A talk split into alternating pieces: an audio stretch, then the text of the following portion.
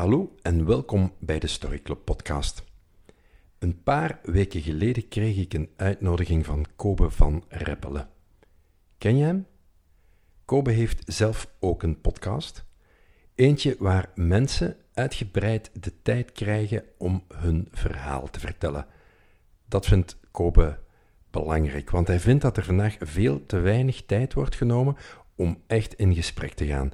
Daarom kiest hij voor diepgaande gesprekken waar gasten, en ik citeer, ongestoord, ongestraft en ongegeneerd hun verhaal kunnen doen.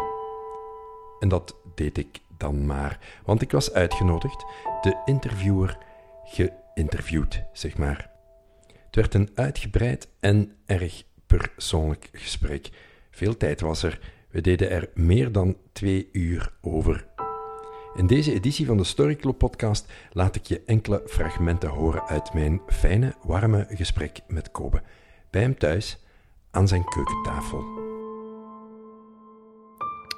Ja, ik begin, ik, ik, ik pak maar iets wat, wat voor de hand ligt eigenlijk. Want ja, wie ben ik? Ik, ik, ik ben iemand die ook een podcast heeft, onder andere.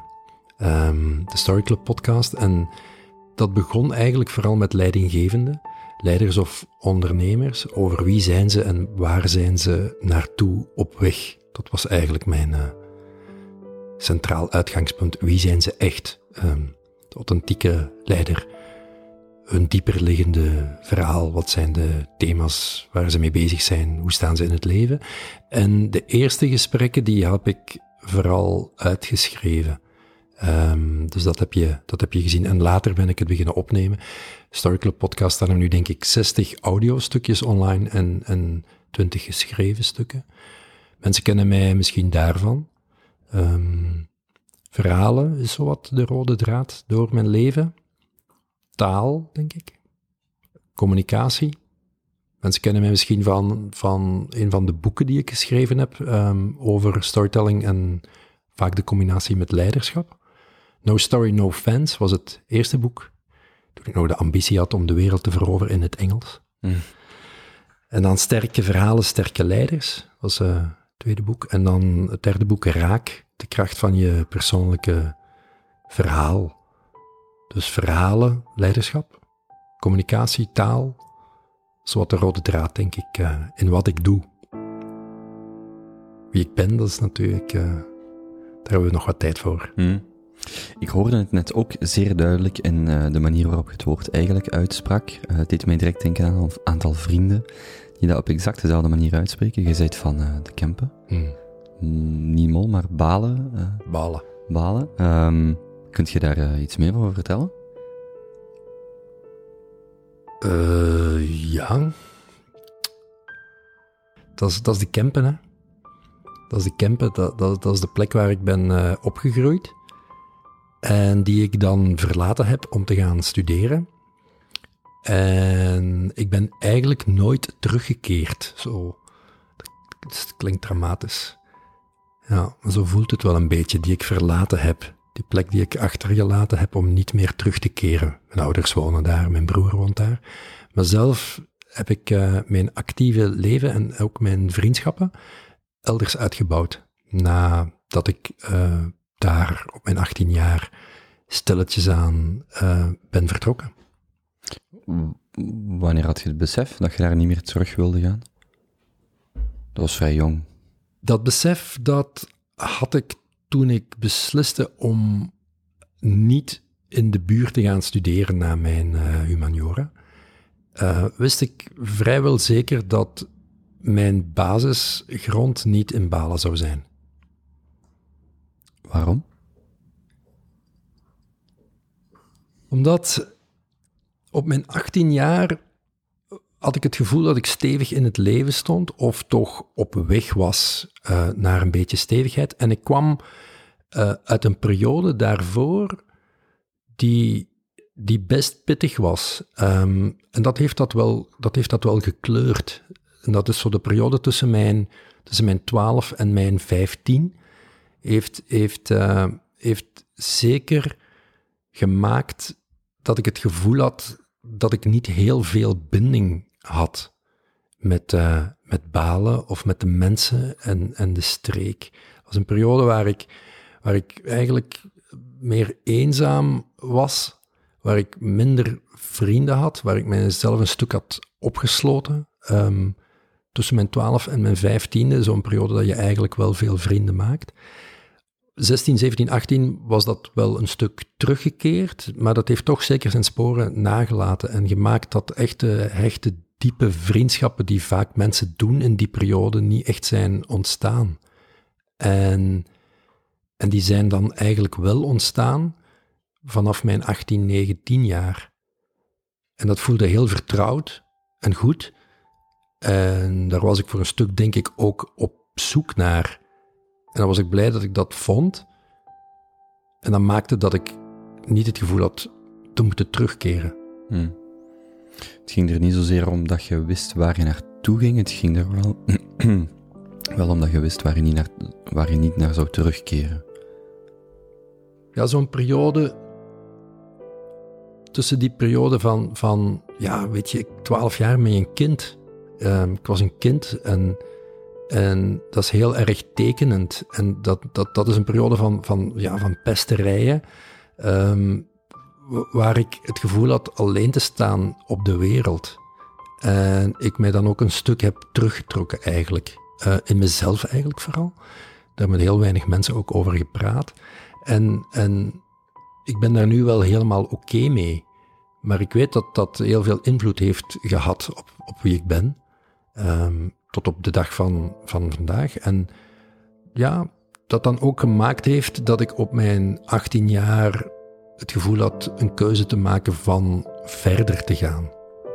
Naar een andere plek. Of ja, zo eenvoudig was het voor mij eigenlijk. Ik, ik wou op mijn 18 jaar eigenlijk alleen maar plaatjes draaien. En uh, na, na, na die periode waar ik net over verteld had, uh, die pittige periode tussen ja, 12 en 15, ik kan er niet exact mijn vinger op eh, leggen of dat nu 15, 14,5 of 15,5, rond die periode in ieder geval. Um, toen, toen luisterde ik naar Radio Veronica. En ja, dat was ja, dat, dat was in de tijd, ik, ik ben 48, uh, ik ben van 1971, ik moet er dat even bij zeggen, want dat was in de tijd hmm. dat in België de vrije radio's hoogtij uh, vierden. En er was de BRT, net Studio Brussel was gestart, Paul van de Wijngaard. En, uh, en, en ik was in en al muziek eigenlijk, heel mijn leven. Ik speelde geen instrument, maar, maar ik luisterde heel veel naar alle soorten muziek. En muziek was voor mij een, een, een rechtstreekse poort naar, uh, naar mijn dieper verhaal en naar emoties. En, en ik luisterde ook naar de gekte van Radio Veronica. En twee stemmen vielen mij op. Uh, twee mensen eigenlijk. En dat was Jeroen van Inkel, uh, de zotte Jeroen van Inkel, en, en Adam Curry. En, en die hadden die hadden een muziekprogramma op vrijdagavond en ook uh, later in de ochtend. En als ik naar school vertrok, ook, uh, ook al voor mijn 16 jaar, uh, dan het eerste wat ik deed bij het ontbijt was de radio op Radio Veronica zetten. En vandaag zou je, zing, zou je denken, dat klinkt een beetje als, als M&M, zal ik dan maar zeggen. Hmm. Een beetje zot, een beetje hevig, uh, uh, een beetje Peter van de Veire opgefukte snelheid. Maar nog gekker vond ik, nog rebelser, nog uit de band springender. Vandaag is dat normaal, maar we kwamen van de BRT. Uh, in België bestond dat niet en I loved it. Um, Adam Curry en Jeroen van Ninkel hadden, die noemden ze, die hadden een radioshow. Nu, vandaag heb jij een show.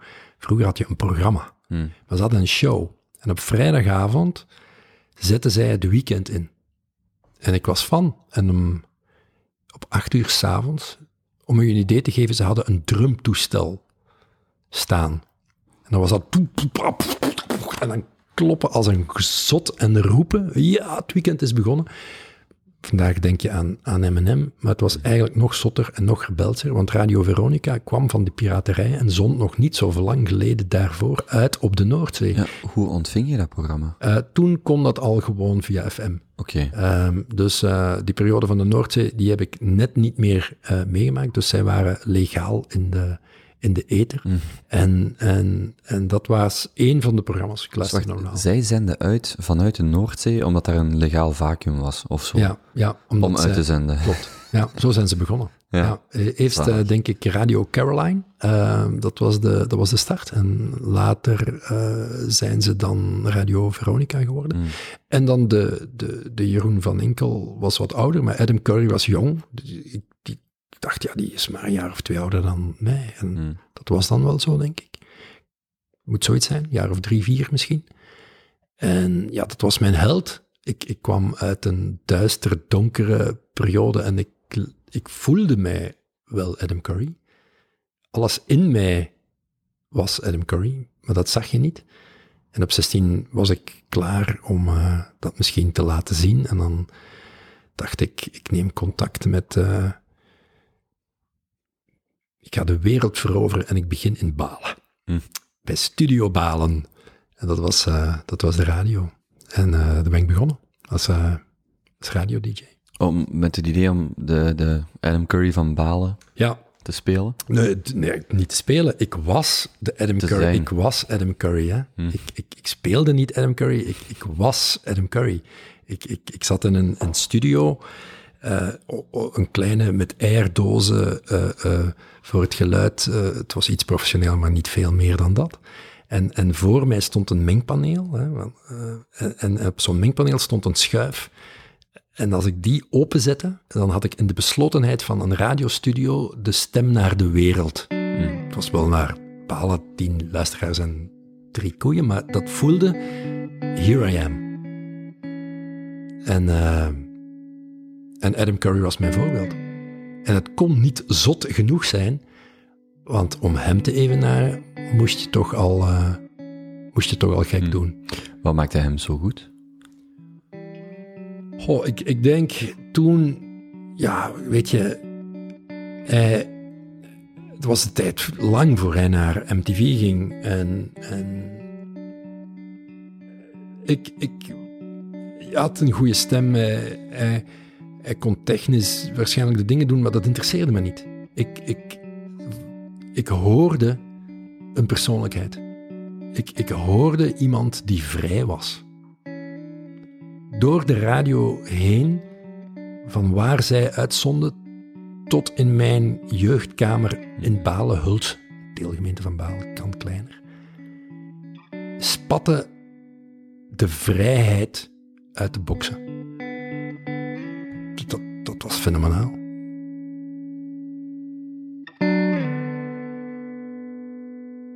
Ja, het is... Um er is ook een, een, een, rechtstreekse link met wat ik, wat ik doe vandaag. De, de, de, de, de baseline is een, het onderschrift, de, de, tweede titel van, van het boek, het derde boek Raak, noemt De kracht van je persoonlijke verhaal. Um, dat is niet toevallig. Alles wat ik net verteld heb vanuit. Er is maar, er is maar één persoon die mijn verhaal kan vertellen vanuit de authenticiteit. En dat ben ik. Er is maar één persoon die, die jouw verhaal kan, kan vertellen. De, de bedrijfsleiders, de, de ondernemers, iedereen die vandaag iets in de wereld wil zetten, creatieve professionals, yoga teachers, yoga teachers genoeg, maar er is maar één persoon die het verhaal kan brengen met alles erop en eraan het gaat niet alleen, ben ik de beste geskilde yoga-leraar. Het is de whole package. Mensen volgen mensen als bedrijfsleiders. Geen functietitels, mm -hmm. geen skills.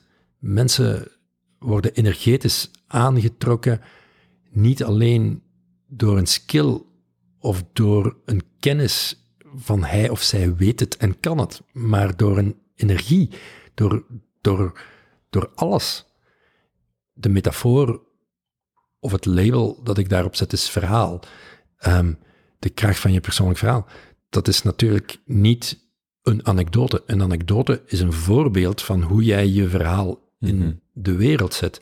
Maar wie je bent, het verhaal dat je aan het schrijven bent,